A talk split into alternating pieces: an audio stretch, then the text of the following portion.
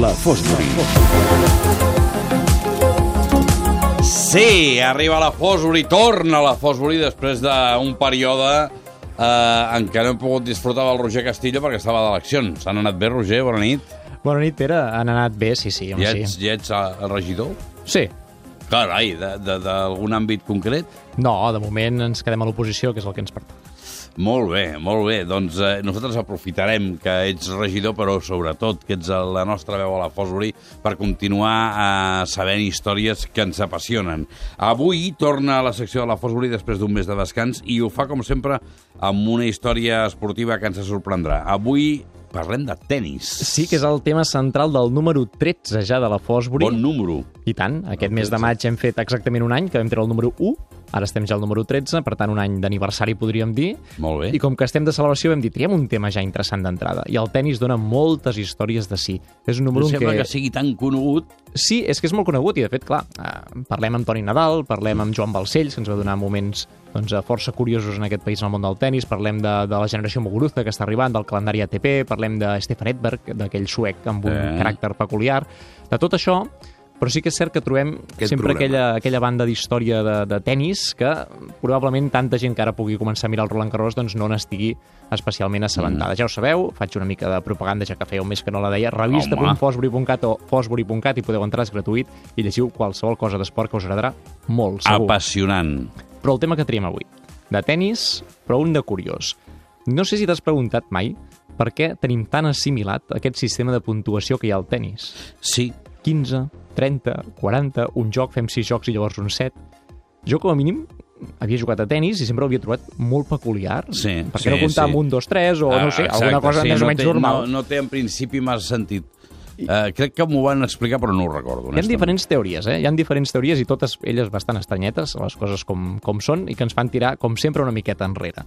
El tennis com a esport modern neix el 1876, és el primer any que es fa un reglament allò de tennis eh, estrictament com el coneixem avui, l'any següent ja es comença a disputar el torneig de Wimbledon, 1891 Roland Garros, 1896 apareix als Jocs Olímpics d'Atenes, per tant, és un esport amb una tradició, mm. però amb uns orígens que ens remeten encara molt, molt, molt més lluny. Segle XIV, a la França medieval. Es juga al Jeu de Paume. El Jeu de Paume és molt similar al tennis, primer juga amb la mà, de seguida agafen ja una raqueta amb una xarxa al mig, per tant, un joc o un esport que podríem qualificar de molt similar. Es juga a les Corts, a les Corts d'aquella època, però també té molt arrelament popular.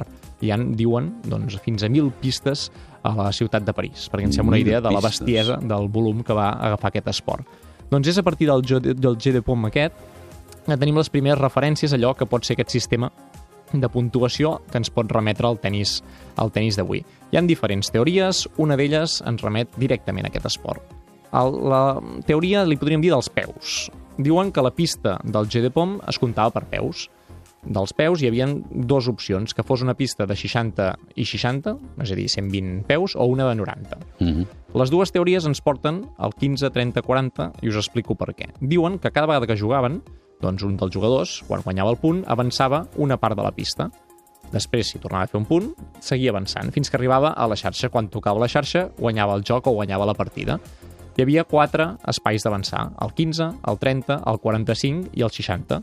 La pista feia 120, per tant, era la meitat. Mhm. En les pistes de 90 es diu que era 15, 30, 45, i quan arribaves a 45, com que estaves molt a prop de la xarxa, tiraves una mica enrere i et quedaves a 40. Aquest podria ser la primera idea del 15, 30, 40. Mare de Déu, senyor. Amb la pista sencera, per entendre'ns, amb aquests 120 peus, es diu també que els jugadors, quan arribaven a 45, es notaven massa a prop de la xarxa, que no podien jugar bé, Mm. i llavors també tiraven una mica enrere. Aquesta és una primera teoria, Mm. diguem-li estranya o no, però és una de les primeres teories que estan sobre la taula. No és la Eh, més és que, famosa. Clar, la, la, diguem-ne que, que, que la numeració ja és estranya. Per Com que tant, la numeració és estranya, les teories també Sí, ens porten a sí. numeracions estranyes. No és l'únic esport que té numeracions estranyes, però en tot cas, com que parlem de tennis, anem a, anem a l'arrel d'aquest esport. La segona teoria, que és la més coneguda, és la teoria del rellotge. Aquesta ens porta a l'Anglaterra del segle XIX, que és quan es reprèn aquest esport ja com a tennis, en què els lords anglesos, quan jugaven, doncs a l'hora de comptar els punts, agafaven allò que tenien més a mà, que era un rellotge doncs, que portaven a sobre, típic rellotge aquell que hem vist en, en, molts, en molts documents, i intentaven doncs, eh, que un jugador doncs, li comptava la minutera i l'altre doncs, la- l'agulla que marcava l'hora. Llavors cada un anava per una banda i anaven veient si un avançava o no perquè ho movien ells mateixos.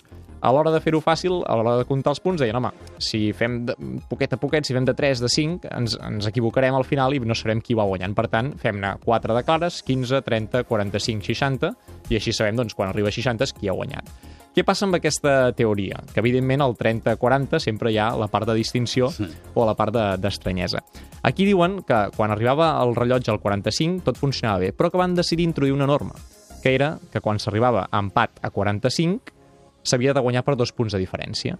I això els hi complicava la vida quan estaven jugant, i llavors van dir, mira, tirem una miqueta enrere, ho deixem a 40, de tal manera que si arribem a empats seran 40, si un guanya un punt farà 50 i si guanya dos punts arribarà a 60. Si el que arriba a 50 doncs, eh, perd el punt i per tant guanya l'altre, tornem a 40, però sempre tindrem aquest marge per jugar dos minuteres més o dos agulles del rellotge més. I aquí doncs, és una teoria eh, que ens porta cap a, cap, a aquesta, cap a aquesta història, podríem dir. I la darrera teoria, que és una altra de les vàlides, és la teoria astronòmica. Aquesta és molt bonica, perquè aquesta ens remet una altra vegada a l'època medieval, on hi havia una passió espectacular per l'astronomia, i d'aquesta passió els va portar... Eh, també, també tenia un sistema que era el sexagesimal, que es basaven doncs, amb el número 60 com a base per tot. I això ens ha quedat el, el temps d'avui, 60 minuts fan una hora, 60 segons fan un minut. Allò, eh, en aquella època, doncs, també va traspassar els límits de l'esport. I, per tant, quan parlaven amb aquella teoria i sumaven doncs, temes astronòmics, els sextants, per exemple, un instrument doncs, que s'utilitzava mm. molt en astronomia, que deien que era una sisena part d'una circunferència. Aquesta idea, quan la intentaven traspassar l'esport, ells es quedaven la idea que la circunferència era el cercle complet, que era la victòria. Mm. Per tant, qui aconseguia fer la circunferència completa guanyava un sextant i una sisena part, doncs hi hauria d'haver sis jocs per intentar fer el set. El set és la victòria. I per intentar fer els jocs, doncs agafaven la teoria clàssica de agafem la circunferència sencera, la dividim en quatre parts perquè estem fent quatre punts. Per tant, el 15, 30, 45, 60, sense que aquest eh, cas, el 45, tingui realment alguna justificació una mica ben explicada de per què va passar a ser 40 i no 45. En tot cas, són tres teories que estan sobre la taula Mola. i que no deixen d'explicar el tennis d'una manera diferent, una mica més eh, doncs, d'orígens. Hi ha una altra part lingüística que també és força interessant. Per exemple, el, el deux, que sempre es fa en iguals, Dos.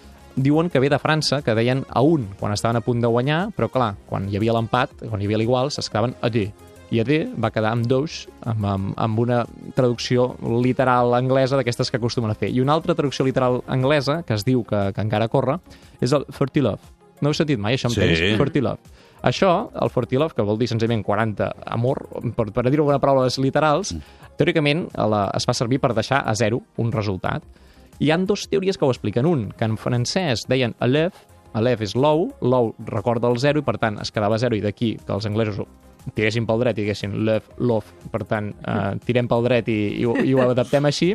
I l'altra, que és que, és molt més romàntica, abans de començar el partit o quan el gust a zero, com que encara no li ha fet mal a l'adversari, encara li dona amor. Per tant, d'aquí el, el concepte. Mare de Déu, senyor. Idees també etimològiques, lingüístiques, que eh, intenten explicar un esport o un sistema de puntuació que, com a mínim, eh, quan hi juguem o quan el veiem per, per la televisió o en alguna, alguna pista, ens hauria d'estranyar, però el tenim super assimilat. I el tie-break? I el tie-break arriba al 1965, James Van Allen és un senyor que veu que els partits s'estan allargant molt, que hi ha alguns tornejos que comencen a utilitzar el sistema del tenis taula de jugar a 21 punts mm. per aconseguir un set, que veu que allò mm, no, no, no pot anar bé, hi ha tornejos que encara utilitzen el sistema antic, i decideix inventar això el tie-break. Hi ha un partit al 1969 a Wimbledon que dura més de 5 hores, que és un partit doncs, llarguíssim, que la gent eh, al final deia, però això quan acabarà?